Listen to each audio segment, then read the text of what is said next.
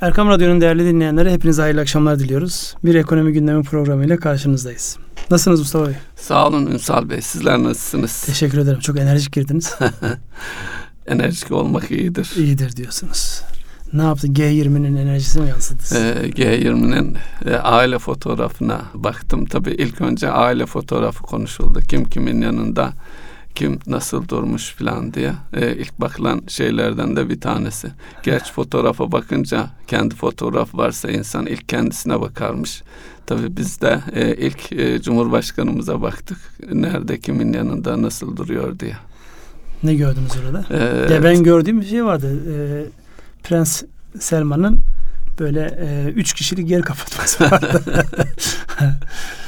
yani benim ilk dikkatimi çeken o oldu hemen Tabii, arkasından da baktığımızda. Kişinin e, cirmi mi cürmü mü derler ya kay, e, kat, kapladığı yerden öte e, evet. etkisi önemlidir herhalde. Tabi burada kişilerin e, ce, e, cisimleri, cesametlerinden ziyade e, G20'nin dünya ekonomisi ve dünya siyaseti sadece ekonomi değil bu aslında. Dünya siyaseti üzerindeki olan etkilerinin e, çokça değerlendirileceği bir toplantı. Önemli bir toplantı. Herkesin pür dikkat izlediği. Anlıyorum ki siz e, töreni de izlemişsiniz yani sabah erken evet, kalkıp. töreni de izledim. Yok ben o kadar e, merak etmiyordum ama yani şu an aile fotoğrafına baktığımda görüyorum yani oldukça gündemin yoğun olduğu, gergin konu başlıklarının olduğu, beklentilerin çok ama sonuçların her zaman olduğu gibi nispeten beklentiyi karşılamayacak bir toplantı gibi bir görüntü.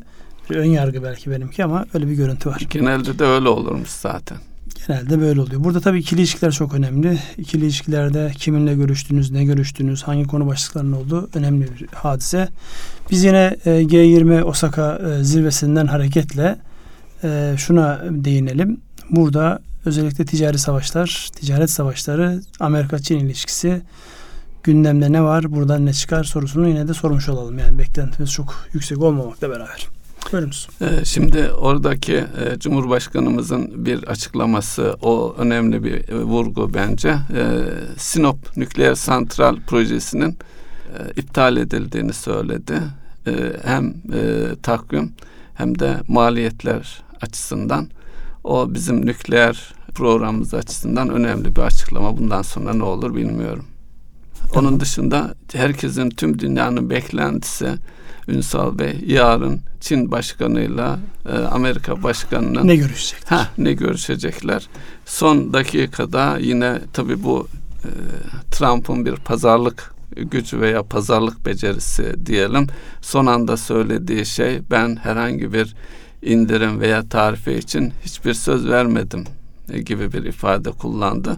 Tabii e, şu ana kadar aralarındaki e, çalışmaların yani hazırlıkların anlaşmaların ne aşamaya geldiğini bilmediğimiz için büyük bir ihtimalle karşı tarafta travma oluşturan bir açıklama.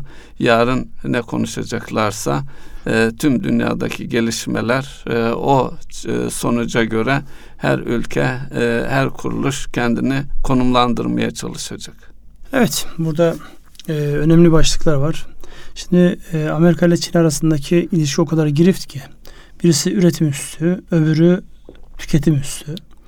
Birisi borç veren, öbürü borç alan. Ama baktığımızda ekonomik büyüklük anlamında yani neredeyse ikisinin toplamı 35-40 trilyon dolara ulaşan bir büyüklükten bahsediyoruz. Çevre etkisi hariç. Yani bunlara bağlantılı olarak diğer ülkelerde yapılan operasyonlar hariç. Dolayısıyla bunların alacağı karar, bunların kendi aralarında yapmış oldukları görüşmeler ve ortaya çıkacak olan görüntü fevkalade önem ifade edecek hepimizin pür dikkat izleyeceği bir nokta.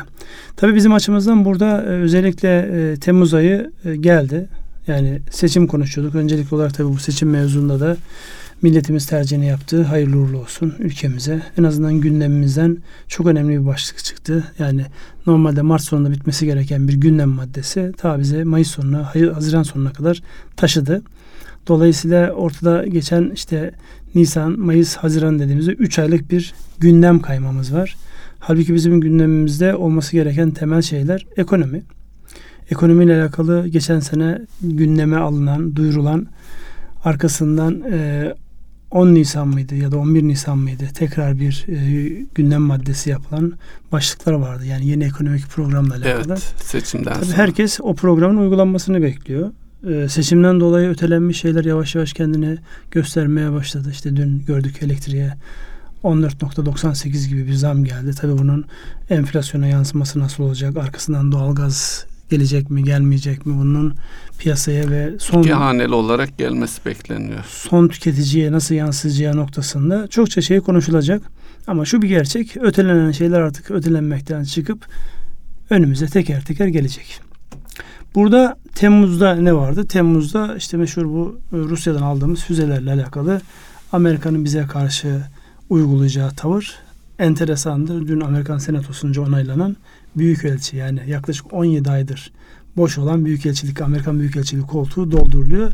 Ve dolduran kişinin de Türkiye'nin S-400 alışıyla alakalı bunun bir talihsizlik ya da sıkıntılı bir süreç olduğunu söyleyen bir kişi geliyor. Dolayısıyla renkli bir e, döneme giriyoruz tekrar.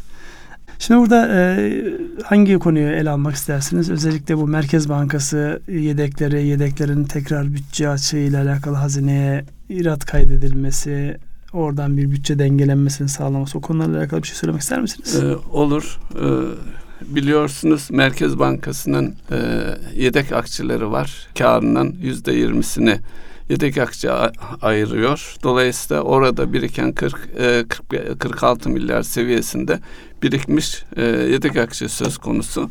Şimdi yasal bir değişiklikle ki e, seçimden önce de gündeme gelmişti ama yasal değişiklik e, gerektirdiği söylenmişti ama meclise de herhangi bir şey yansımamıştı. Şimdi o kalıcı hale geliyor. Birinci adım o paranın e, bütçeye aktarılması ilk aşamada ve bundan sonraki süreçte de yüzde yirmi olan oranın daha aşağı bir orana yüzde ona indirilmesi ve yine e, istendiğinde sürekli olarak onun bütçeye aktarılması yönünde. Tabi bütçe açısından bakınca şu anda e, bütçe açığımız beklenenin üzerinde yani 80 milyar gibi bir bütçe açığı hedeflenmiş ve şu anda yüzde 80-85 lira yani 65-66 milyarlık bir e, faiz dahil bir bütçe açığı var. Şimdi e, bu para bütçeyi biraz e, rahatlatacak görünüyor. E, ancak bu şöyle de e, düşünülüyor. Şimdi e, neticede eğer devlet bu paraya, hükümet bu paraya almadığı takdirde o açığı borçlanarak kapatmak durumundaydı. Borçlanması ne anlama geliyor? Ee, daha önceki haftalarda da konuştuk. Krediler ekonominin harekete geçmesi için önemli. Şimdi devlet de e, kendi açığı için o piyasaya girdiği zaman daha da sıkıntı e, olacak idi. Evet şimdi Ee, burada tabii e, sadece e, piyasaya kredi olarak gitmesi gereken rakamların devlete borç verilmesi bu bir problem olarak karşımıza gelir ama onun haricinde şu an yine uzun zamandan beri kamudan alacağı olan müteahhitlerin ya da benzer e, oraya hizmet üretmiş, kamunun kontrolündeki ihalelere girmiş, iş yapmış e, alacaklıların alacağının ödenmesiyle alakalı da bir e, gündem maddesi var. Yani önümüzdeki dönem her halükarda hem bütçe denkliği açısından hem de kamunun taahhütlerinin yerine getirilmesi açısından piyasaların borç piyasalarının, para piyasalarının borç alma verme tarafında e, renkli hareketli günler yaşayacağız gözüküyor. Çünkü bir taraftan ekonomiyi canlandırmaya çalışıyoruz. Öbür taraftan da kamuya iş yapan insanların epey bir zamanda işte 40 milyar TL midir bu 80 milyar TL midir artık bu rakamlar e, muhtelif rivayetler e, muhtelif dolayısıyla gerçek olan bir şey var ama şu an piyasaya akması gereken likidite olarak dönmesi gereken bir rakam var ve kamudaki gelişmeleri bekliyor. Dolayısıyla bunların hepsini birlikte değerlendirdiğimizde önümüzdeki dönemde Merkez Bankası'ndaki bu yedek akçeler yani doğrudan alınırsa piyasaya alıcı olarak çıkmayacak devlet hazine. Dolayısıyla piyasadaki işte kredi kullanım oranları e, makul seviyeye devam edecek. Devlet buradaki en önemli alıcı olma rolünü ikinci plan edip piyasanın ihtiyacı olan e, taraf karşılanacak diyorsunuz.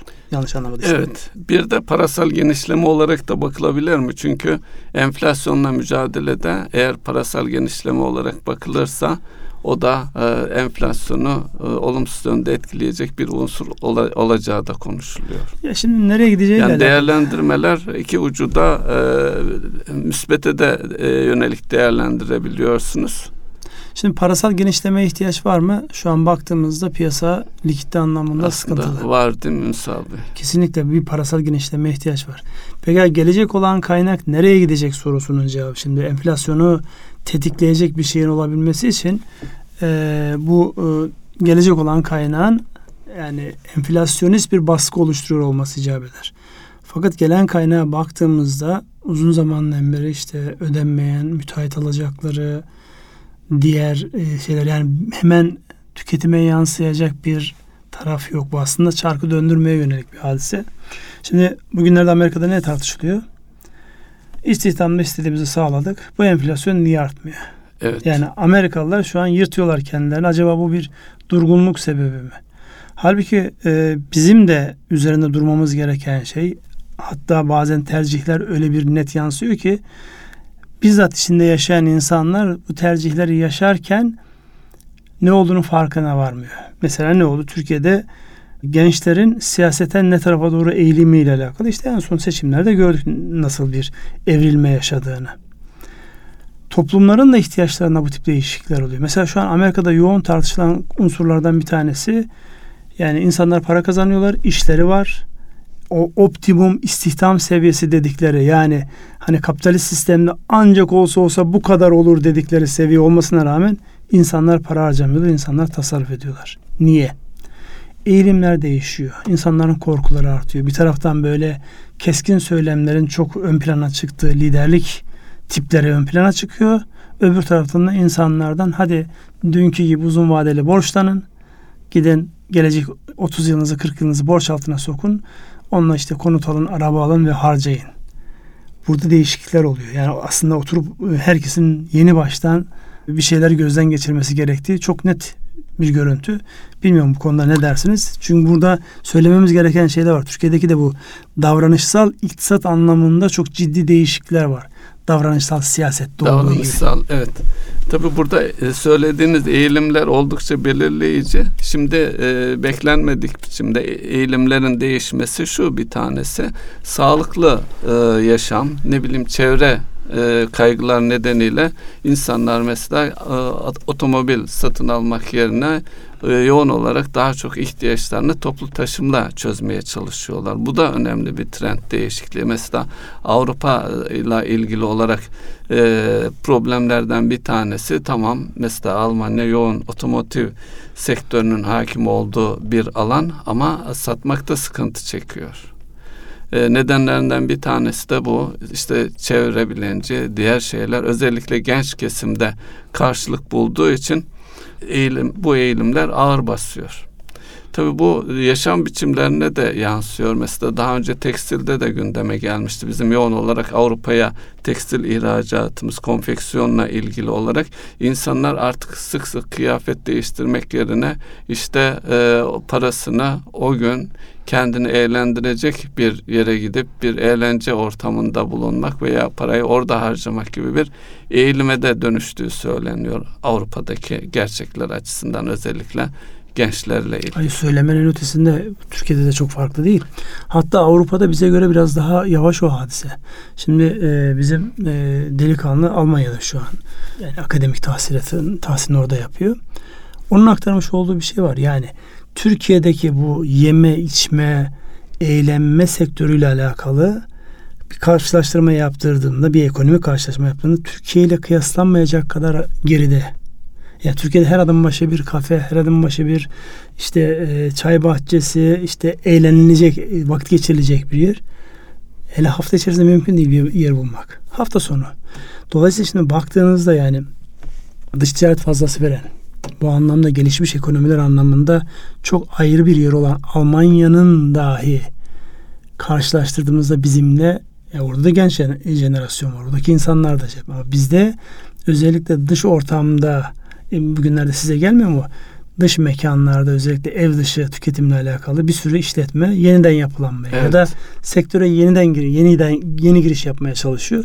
Bununla alakalı bir sürü talepler geliyor. Ağ genişliyor. Tabii Türkiye'de o açıdan bakınca da hizmet sektörü büyüyor. Üretim sektöründen öte hizmet sektörü diye baktığınız zaman da tüketime yönelik bir e, büyüme. Halbuki bizim tam da ihtiyacımız olan üretimi artırabilmemiz lazım. Cari açık ve şey konusunda. Tabii hizmet sektörü açısından bakınca burada e, turizmdeki gelişmeleri ve sağlık turizmindeki gelişmeler o ülkemiz açısından lehimize bir durum. E, onu e, bir yolla çözebilmemiz lazım. Şimdi burada tabii Üretimle iyi bir ilgili, noktaya evet. iyi bir noktaya parmak bastınız. Yani hizmet sektörünün gelişmesiyle biz övünüyoruz ama bu övünme hadisemiz e, bu övünme hadisemize şey baktığımızda yani bir makro bazdan baktığımızda evet biz e, hizmet ve üretime dayalı olmayan tarafta büyümeye çalışıyoruz. Şimdi turizm diyorsunuz. Şimdi turizmin şöyle e, o yani biraz da herkesin dilinde o 7 yıllık dönemler itibariyle hani bolluk ve darlık zamanlar itibariyle Evet. ya da iyi ya da kötü olduğu zamanlar itibariyle baktığımızda şimdi turizmin aktif olduğu dönemlerde çok kolay para kazanılıyor. Ve çok kolay para kazanılan bu ortamda yatırımlar hemen gidiyor. Yani olay yani bir devinimi genişletmek yerine ya da derinlik kazandırmak yerine, katma değer arttırmak yerine mevcudun işte mevcut işte 100, 100 yataklı bir oteli 200 yataklıya çıkarıyorsunuz.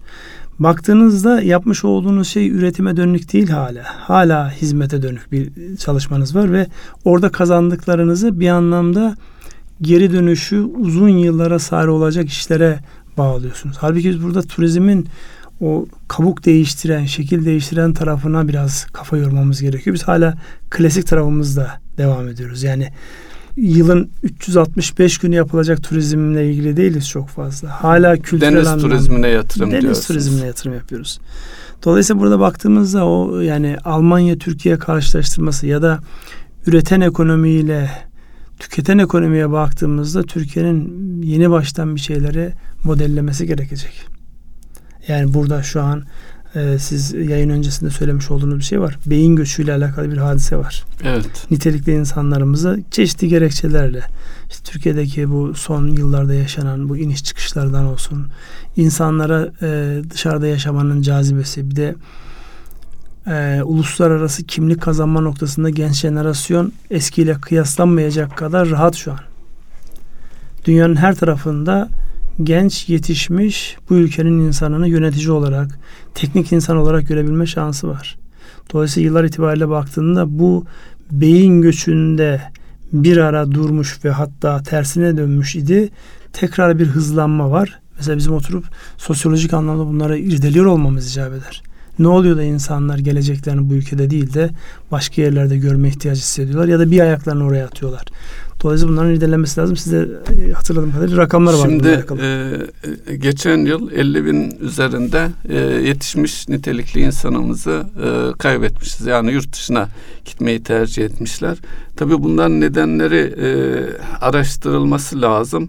Ortaya çıkan şeyler e, iş bulma e, endişeleri, ücretler, e, yaşam standardı, işte kendisini e, rahat hissetmesi yani adil bir ortamın olması e, gibi konular e, belirleyici.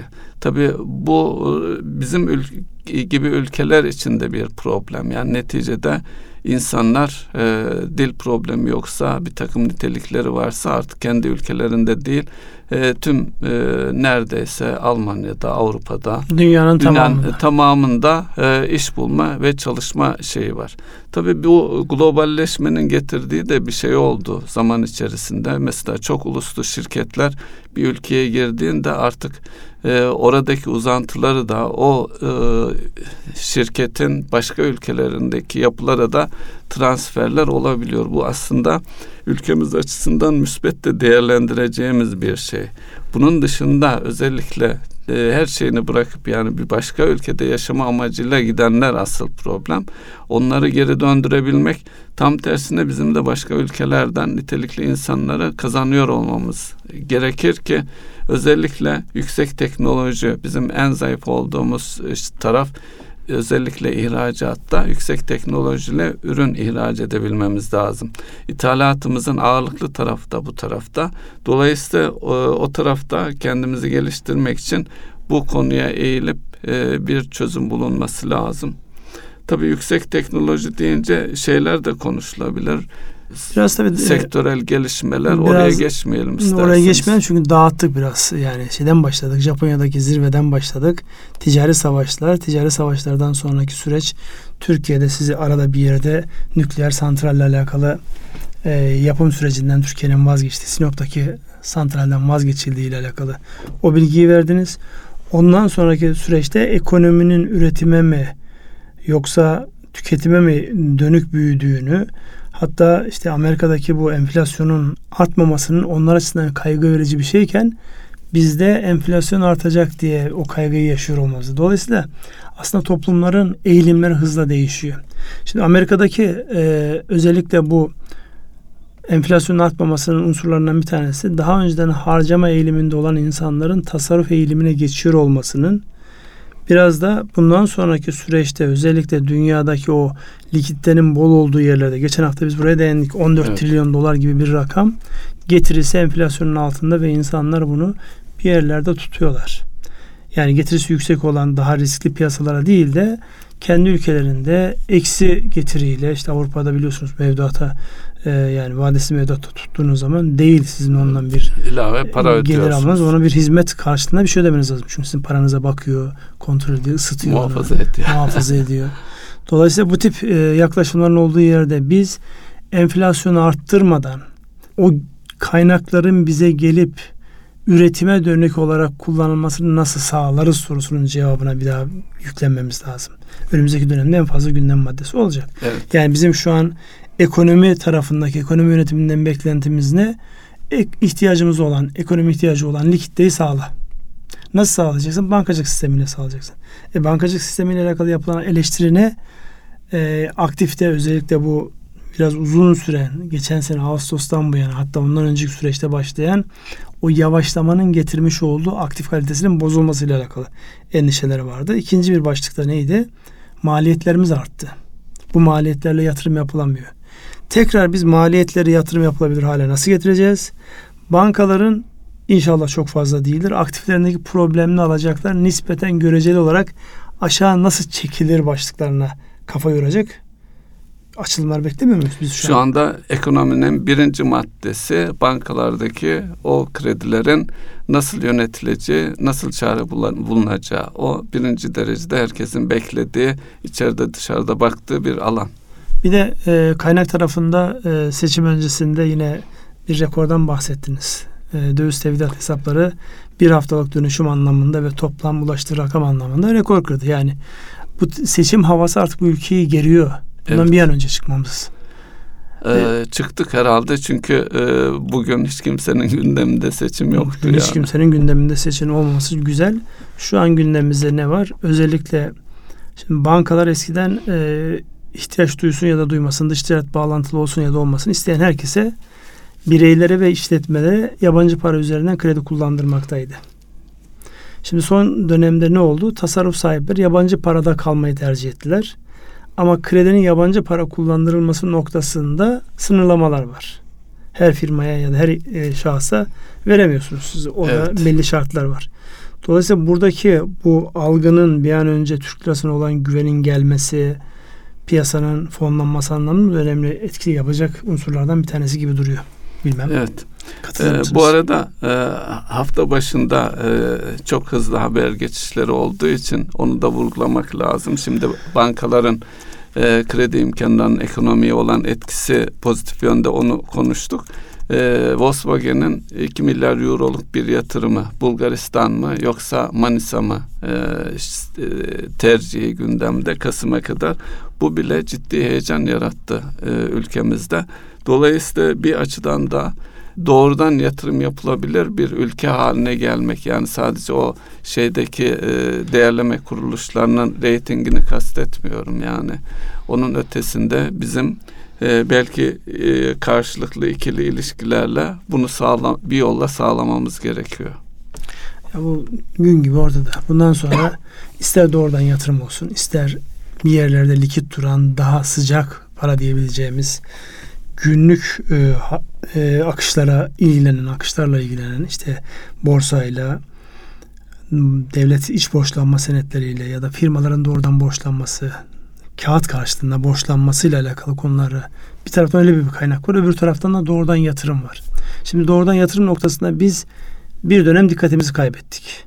Şimdi tekrar onun gündeme gelmesi, Çin'in bu kadar ön plana çıkması, Çin'in güç olarak ön plana çıkması. Bunların her biri bir anlamda fırsat da bizim için. Çin de gelip buraya yatırım yapmak istiyor. Hindistan da buraya yatırım yapmak istiyor. İyi bir pazar olduğumuz için yoksa kara kaşımıza kara gözümüze Pazar ve lojistik güzergahtayız. Lokasyon itibariyle önemli bir geçiş noktasındasın. Dolayısıyla bunları nasıl çekeceğiz noktasında gündemimizin oraya kayması. Şimdi o bahsetmiş olduğunuz Alman firmasının Bulgaristan değil de Türkiye'ye yatırım yapması için soru şu. Ne yapmamız gerekiyor? Hangi adımlar atmamız gerekiyor? Çünkü bu tip yatırımı yapan firmalar e, dünyanın her tarafında benzer ilgi alakayı gördükleri için çok da nazlılar. Yani malum şimdi sizin e, tekstil sektörüyle alakalı biliyorsunuz bir marka var. Dünyaca ünlü bir marka var. Bizim e, yeni açılan AVM'lere girebilmek için değil AVM'ye kira ödemek, değil herhangi bir yani oraya masraf yapmak ciddi paralar alarak giriyorlar. Nasıl oluyor bu? İşte o ekonomik gücü kullanarak oluyor. Diyor ki ben geldiğim zaman senin AVM'ne yani AVM'nin müşteri tipini bile ben belirleyeceğim. Segmentasyonunu ben belirleyeceğim. Dolayısıyla senin değil benim koyduğum şartlar geçerli. Şimdi bu otomobil e, ya da otomotiv ya da başka yatırımlarla alakalı şeye baktığımızda o kadar güçlüler ki ve güçlerinde farkındalar ki şartlar onlar belirliyor. Şimdi şartların onlar tarafından belirlendiği yerde bizi tercih etsinler diye bir de şey düşünmek zorundayız. Ne yapalım ki bizi tercih etsinler? ya o kadar kolay bir hadise değil. Tabii e, Bulgaristan'la kıyaslayınca banko biz görünüyoruz da onun ötesinde siyaseten belki istikrar, belki hukuk sistemi e, onlar da devreye girecektir. Tabii bu arada e, o marka Türkiye'de en fazla satan yabancı üretim, yabancı markalar içerisinde en fazla satan marka. Tabii bu arada e, otomotivde neler oluyor diye baktığımız zaman bizim de ciddi bir e, tüketici e, konumunu muhafaza da etmemiz gerekiyor bir taraftan. Çünkü geçen yılla kıyasladığımızda ilk 5 aylık süreçte küçük ticariler dahil otomobil satışları yüzde elli azalmış. E, normal değil mi yani insanların biliyorsun giderleri kısmak istediklerinde ilk yaptığı yer burası. Normal e, bu dönemler ama uzun şirket vadede, arabaları. Evet şirket arabaları. Yani burada baktığımızda normal zamanlarda insanlar şöyle bak işletmeler özellikle. Yani e, ben vergi vereceğim eğer karlı bir işletme ise çalışanımın konforunu biraz daha arttırayım. Ona yönelik adımlar vardı. Ama ekonomi daralıp da eski karlılıklar olmayınca ilk yapılan şeyler şirket arabalarının iadesi, kiralanan arabaların iadesi. Orada zaten bu dövizin artışından dolayı ciddi bir bedellerde artış olmuştu. Dolayısıyla o anlamda telafi edilmesi gereken bir alan var. Yani ama bu genel anlamda yani bugünden yarına çözülebilecek bir mevzu değil. Diğer taraftan bu distribütörler açısından bakınca da onlar da biz büyük yatırımlar yaptık diyorlar işte sergi alanları, servis alanları. Tabii o daha önceki piyasanın canlı olduğu koşullarda yapılmış alanlar. E, büyüklükler şu anda tabii onlar da efektif kullanılamıyor. Onlar da o açıdan e, yapılan yatırımın geriye dönüşü açısından onlar da durumdan şikayetçi. Aslında e, bizim e, yapısal dönüşümü başlatıp güven verip hızlıca üretim eksenli ama içeride de piyasayı boğmadan canlı tutarak kendimize has bir model üzerinden ilerlememiz gerekiyor. Orada neler yapılabilir? Yani yapılacaklar da az önce söylemiş olduğunuz şey de şimdi yani biz bu yatırımlar yaptık, sergi alanları falan dönüyor. Orası ifrat noktasındayız biz orada. Şehrin en güzel yerinde yani inanılmaz paralarla alınmış, satın alınmış arsalar üzerine işte otomobillerin sergilendiği bir e, showroom yapılıyor. Evet. Şimdi burada bir abartı var. Yani İspanya'daki bankacılık bizde de herhalde bu otomotiv son dönemde de bu yani küçük ihtiyaç birikim sahiplerine yönelik şu ev edindirme sisteminin şatafatı çok dikkat çekiyor. Yani bankaların bile kiralamaktan imtina ettiği yerlere bakıyorsunuz. Bu organizasyon şirketleri çok rahatlıkla kiralıyor. Şimdi burada bir yani ifratla tefrit e, şey var. Yani eğer biz insanların tasarrufunu öngörüyorsak her anlamda buna talip olmamız lazım ama işte orada görünebilmek adına, gücü göstermek adına, insanların gözüne bazı şeyleri yani her ortamda sokabilmek adına yapılan bazı şeyler var. Ben bunların da modelleme içerisinde tekrar gözden geçirilmesi gerekiyor. Gerçekten ihtiyaç var mı ona? Yani insanlar araba almak için o kadar şatafatlı showroomlara ihtiyaç duyuyorlar mı gerçekten? Evet, e, girdiği zaman e, müşteriyi bu arabayı almalısın diye ezen bir şey, çok yüksek tavanlar falan, e, cam kaplı e, şeyler e, ve şatafat. Neyse oradaki Neyse, eleştirimizi yani insanların e, tercihinden yana ama orada bir abartıda olduğumuzu herhalde Evet, kabul var. ediyorsunuz. Dolayısıyla biz e, biraz farklı alanlara e, burada e, değindik ama e, el atacağımız çok konu var. Ekonomiyi canlandırmak adına, üretim adına. Az önce o kullanmış olduğunuz şey bana çok enteresan geldi.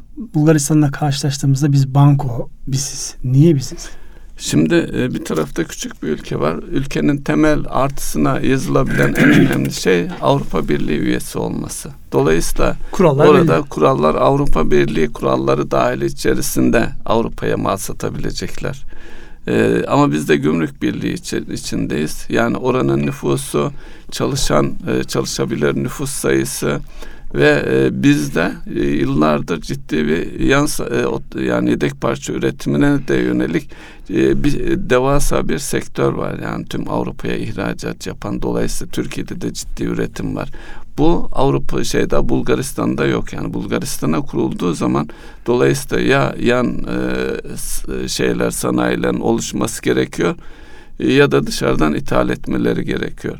Tabi Bulgaristan'da kurduğunuz zaman Bulgaristan'a ne kadar e, otomobil satabilirsiniz? O marka Türkiye'de olsa çok daha çünkü e, bu e, alt marka Skoda'nın e, şeyi olacakmış galiba. Yani şimdi burada tabii Yatırımı. e, kimin yatırımın olduğu bizim için çok önemli değil ama şu önemli bizim için. Yani marka algısı açısından çok önemseniyor insan. Yani tabii ki yani o markaların yani dünyanın en çok satan otomobil değil, Amerika'da biraz başı belaya girdi ama e, şimdi gelip Türkiye'de yatırım yapması önemli. Bunun kesinlikle göz ardı etmiyorum. Fakat şu bir gerçek. Türkiye yatırım yapma noktasında yani gözden geçirmemiz gereken çok şey var. Şimdi siz de yaşıyorsunuz, ben de yaşıyorum. Yani bir şekilde içinde yer aldığımız ve yatırım yapmak isteyen firmaların özellikle en lokalinden işte belediyelerden başlayıp merkezi idareye kadar kolaylaştıran bir yapımız yok bizim. Tam tersine Bürokrasi diyorsunuz. bürokrasi ve o bürokrasinin içerisinde zaman içerisindeki o algılar yani ekonomik gerekçelerin dışında ortaya konmuş algılar, hareketler, refleksler yatırımı kolaylaştırmıyor. Yani insanlar bunu görmesi lazım. Çok basit bir yani o ekonomiye, o ilçeye, o ile faydası olacağını düşündüğünüz sanayi üretimi olan bir konuda dahi envai çeşit e, yokuşa tırmandırmalar var. Dolayısıyla yani bizim ihtiyacımız tamam bunlar gelsin. Gelsin yatırım da yapsın. Ama bunları kolaylaştırmıyoruz biz. Bir e, toplu bir bakışımız, bakışımız yok burada. Yani o bakışı yeniden nasıl kazanabiliriz? O bakışa nasıl ivmelendirebiliriz? Yani burada insanların işi olmadığı zaman pervasız bir şekilde tıkayan kişinin kendisinin orada düşündüğü, kendince haklı gördüğü ama gerçekte haklı olmayan gerekçelerle o yatırımın o ekonomiye, o şehre kazandırmasını engelleyecek unsurları nasıl ortadan kaldırabiliriz? Zihniyetimizle alakalı bir değişikliği nasıl yapacağız? O var. O sıkıntı var. Ee, e, en önemli şey de bu zaten. Bunu halledersek gerisi kolaylaşacak.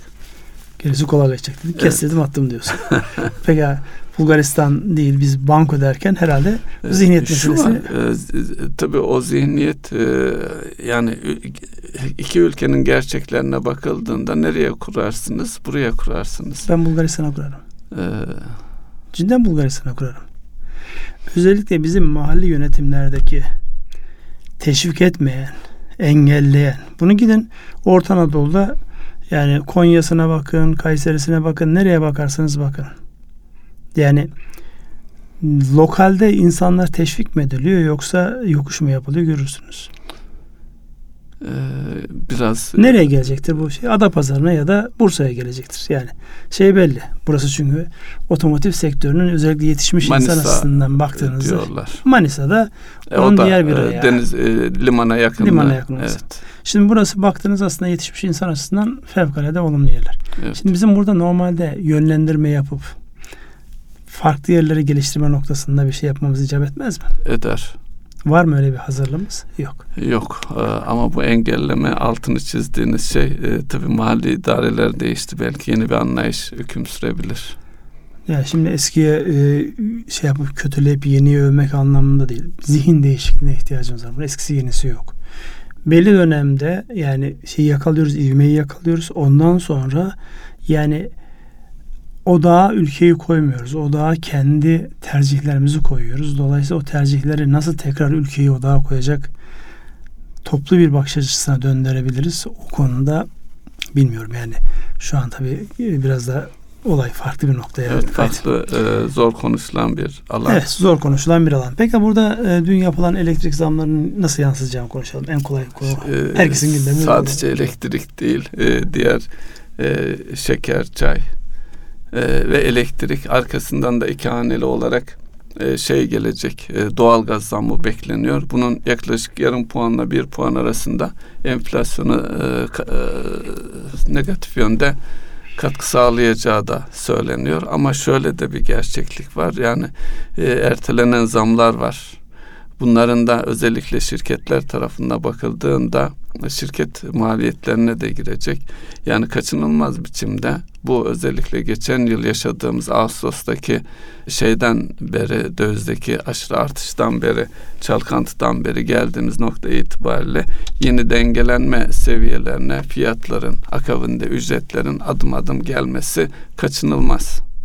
Tabi buradan hareketle e, vergi konusunda konuşuluyor. Vergide ciddi bir dönüşüm. O konuda ne dersiniz Ünsal Bey?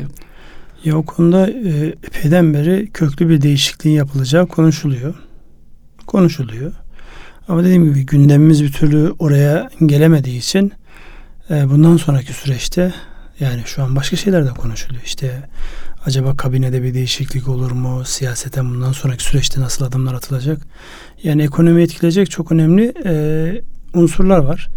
Ama bunların dediğim gibi yani bir an önce konunun kendisine gelmesi, o yapısal dönüşüm, yapısal değişim dediğimiz şeylere gelebilmesi için önce aradaki oraya gelmeyi engelleyen unsurların ortadan kalkması gerekiyor. Burada e, Temmuz ayında tabii meclisin çalışıyor olması, yani yaz tatiline girmeyecek bu anlamda sıcak ve e, yoğun gündemli bir dönem yaşayacağız. Ol, oluyor olması güzel. Yani bu anlamda bekleyen düzenlemeler, ama düzenleme tek başına bir anlam ifade etmiyor biliyorsun. Onun hayata geçmesi, uygulamaya bulması gerekiyor. Uygulama içinde tek bir belirleyici yok, tek bir faktör yok. Bir sürü bileşen var orada. Bütün bileşenlerin bir araya getirilip işte finansı, algısı, psikolojisi ne diyeceksiniz artık her şeyin bir arada değerlendirilmesi gerekiyor. Onun için yani vergi konusunda çoktan beri bekleyen yapısal ciddi değişiklikler var henüz daha bir şey görmediğimiz için yani şunları yapılıyor diyemeyeceğiz. Hangi konu başlıkları değişecek bilemiyoruz. Ama şu bir gerçek. Söylenen şeylerin hayata geçmesi noktasında en son işte bu askerlikle alakalı. Askerliğin süresinin kısaltılması, bedelli evet. askerliğin daimi hale getirilmesi, komple 65 yıldır değişmeyen askerlik mevzuatının hızlıca değiştirmesi ve hemen hayat buluyor olması bu anlamda yani uygulamaya olan ihtiyacın ve uygulamanın insanlar tarafından nasıl hemen satın alınabileceğinin de göstergesi. Bu diğer konulara da aynı şekilde aynı hızlılıkta yansır diye ümit ediyoruz. İnşallah o şekilde tahakkuk eder. İnşallah da bu vergi açısından da e, bir kere daha önceki vergi afları ciddi bir e, handikap olarak duruyor.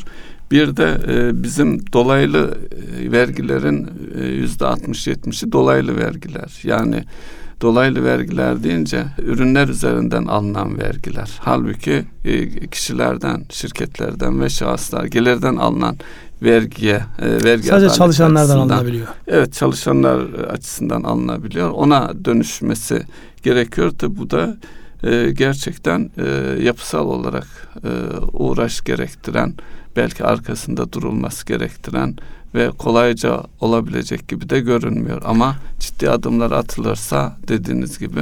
Yani adaletli olan gelirden elde edilen vergi. Dolaylı olarak dediğinizde yani işlem üzerinden alınan vergilerde yani e, zorunlu olanlar var, keyfe keder olanlar var. Bunların da bir sürü kendi içerisinde yani e, eleştiriye konu olanlar var. Yani gerçekten haklılık payı olan kısımlar var. Dolayısıyla burada asıl olan gelir üzerinden alması. Fakat bizde gelir üzerinden vergi kültürü dediğimiz gibi yani çalışanların zorunlu olarak e, yapılan kesintilerin haricinde beyana dayalı konuda maalesef çok iyi bir karnemiz yok. Evet. Hem şirketler tarafında hem şahıslar tarafında uzman meslekler alanlarında da yok. Yani baktığınızda işte vergi levhalarına yani kendi ödemiş olduğunuz e, hizmetin karşılığını bile orada vergi olarak görmüyorsunuz. Belli ki burada bir farklı bir kültür var. Bunu nasıl yaygınlaştırabilir? Nasıl e, geniş kitlelerin önüne gelir? Çok e, bu da söylenmesi gereken şey vergi oranlarıyla alakalı. Şimdi batıdaki birçok ülkeyle karşılaştığımızda bizim vergi oranlarımız şey değil. Çok yüksek değil. Ama aşağı getirilmesi halinde insanlar beyana tabi tutup ve onun üzerine vergi öder mi Artması bekleniyor şu aşamada. İşte olur mu? Bunların konuşulacağı bir ortamda bütçe denkliği açısından artması bekleniyor. Şimdi e, zaten orada şey yok. Yani e, bir ne derler? E, öyle bir kültür yok. Bu neyi getirecek? Arkadan sıkı bir denetleme mekanizmasını gündeme getirecek. Denetleme mekanizmasının da arkasından neler getireceğini e, siz benden daha iyi bilirsiniz. Bir denetim gurusu olarak iç denetim ve iç kontrol uzmanı olarak siz bunu daha getirin. Yani bir yerde baskıladığınız zaman o yan yolları getiriyor. Evet. Vergiden kaçınma daha ötesinde de bir takım iş yapmama gibi noktalara Ya insanlar getiriyor. faaliyetlerinin Evet. bir kısmını başka ülkelere kaydırabilirler. enflasyon Enfl- muhasebesi Enflasyon muhasebesi e, bu anlamda ciddi bir handikap. Onunla Evet. birlikte gelmesi gerekiyor zaten. işte gerekiyor zaten ifadesini kullandığımızda orada soru işaretleri de Ama yanına geliyor. de insanları cezalandırmış olursunuz bir taraftan da. Evet. istatistik anlamda bu hafta yayınlanmış gündeme İstatistik getireceğiniz bir şey var mı? anlamda e, dış ticaret istatistiği bugün yayınlandı. Geçen yılın aynı dönemine göre ihracatımızda 12 Mayıs ayı için söylüyorsunuz? Evet 12.1 ithalatımızda 19.3 azaldı. Mesela bu ithalatımızdaki azalma bütçeye vergi gelirindeki azalma olarak da yansıyor. Yani az önce e, konuştuğumuz şeyin e, arka plandaki gerçekliklerinden bir tanesi de bunlar. Ekonomik güven endeksleri, tüketici güven endeksleri yayınlanmıştı biliyorsunuz. Buradaki hafif kıpırdanmalar pozitif yönünde ekonominin iyiye gideceğine yönelik bir işaret olarak algılayabilir miyiz Ünsal Bey? Hepsini aşağı yukarı topluca değerlendirmek istersek. Belki de böyle düşünmemiz lazım. E, istatistiklerden bu hafta ana hatlarıyla e, bunlar var. E, tabii e, şey olarak medyatik şeyler açısından da e, zamlara e, bakılırsa en çok e, tabii de, taksici kitlesi e, önemli bir kitle Türkiye'de. Onların yapacağı zam da gündem oluşturur. Yine onlar da yüzde e, 30 seviyelerinde bir zam hazırlığı içindeler. Onlar da haklı olarak. Ama bir enteresan değerlendirme vardı vatandaşın bir tanesi. Televizyon izlerken dikkatimi çekti. E, taksicilik, e, taksi işinin bir tekel olduğunu ifade etti. Halbuki bir tarafta da e, şu anda çok fazla gündeme gelmiyor ama Uber gerçeği var. Yani Uber Türkiye'de faaliyet gösteremez diye en yetkili ağızlardan açıklama yapıldı. O gerçeğe rağmen. Şu anda faaliyete e, devam Uber, ediyor ama Sadece Uber değil Uber gibi Evet. başka firmalar da var. Evet.